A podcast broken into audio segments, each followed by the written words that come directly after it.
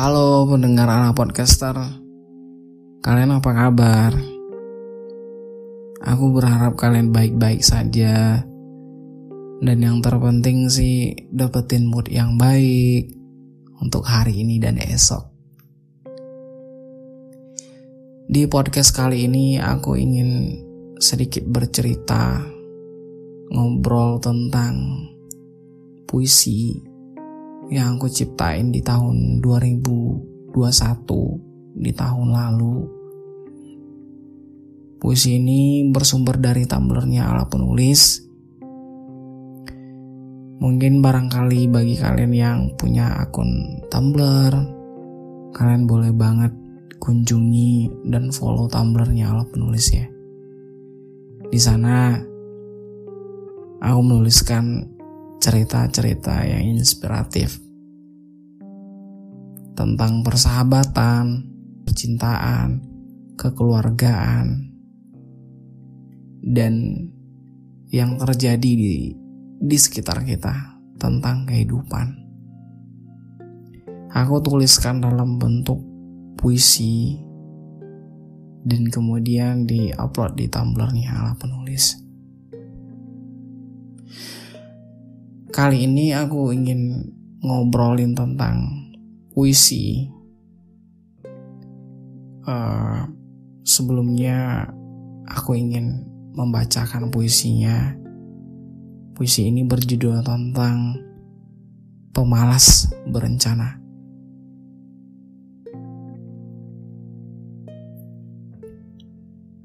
Pagi ini terasa seperti siang Entah kenapa sulit bertemu mendengarkan ayam berkuku. Kukuku.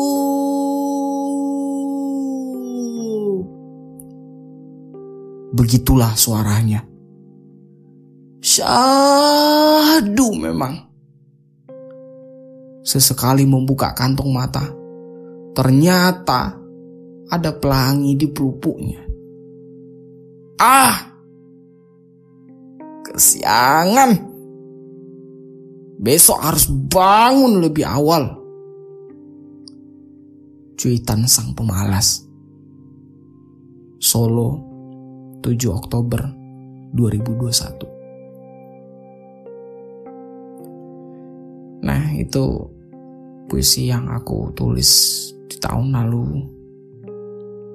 Cerita dalam puisi itu sangat berarti bagi aku pribadi. Seperti yang baru saja kalian dengarkan, seseorang yang ingin berusaha untuk disiplin waktu, namun kegagalannya direnggut oleh rasa malas. Dia berusaha untuk menjadi lebih baik. Dia juga berusaha untuk sungguh-sungguh. Namun seketika malas menghampirinya, tak terelakkan, dan kembali lagi kepada kebiasaan buruknya. Kesiangan. Pagi terasa seperti siang. Betapa kesiangannya anak ini. Dia tampak baru saja memulai aktivitas di siang hari yang ia sebut pagi.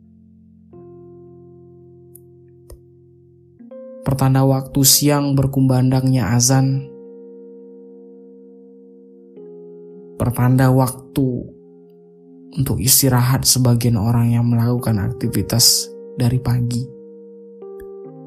Namun, sang anak ini baru saja memulai aktivitasnya. Ini menggambarkan betapa buruknya catatan kehidupannya. Kukunya ayam digambarkan bahwa pagi telah datang. Saatnya semua orang melakukan aktivitas, bersih-bersih misalnya, olahraga di pagi hari, sarapan, dan membuat perencanaan hari ini. Indahnya imajinasi anak itu membuat rasa kagum bagi yang melihatnya. Bahkan aku pun membayangkan betapa indahnya dalam bayangan mata.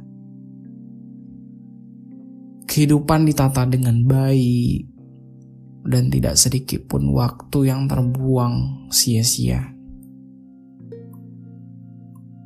Komitmen di akhir puisi itu hanya menjadi angan-angan dan cita-cita tertinggi dalam kehidupannya. Tanpa melakukan apa-apa, menjadi narasi kosong, bunyian tanpa arti, dan bicaranya seperti hinaan diri. Disiplin dikaitkan dengan rapinya manajemen waktu. Waktu yang digunakan dengan baik, waktu yang dibuat dengan aktivitas positif, dan menghindari terbuangnya waktu hanya percuma. Hanya kita yang tahu bahwa waktu yang kita gunakan benar-benar bermanfaat dan berkualitas. Tidak dihitung berapa banyak waktu yang kita gunakan, tetapi kualitas daripada waktu yang kita pakai dalam sehari-hari. Dan hanya kita yang tahu bahwa kurangnya kualitas waktu yang kita gunakan dalam sehari. Tidak seorang pun. Tidak salah memang orang tua kita dahulu mengatakan disiplin merupakan pangkal kesuksesan. Ini merupakan kata-kata yang membakar semangat dalam disiplin.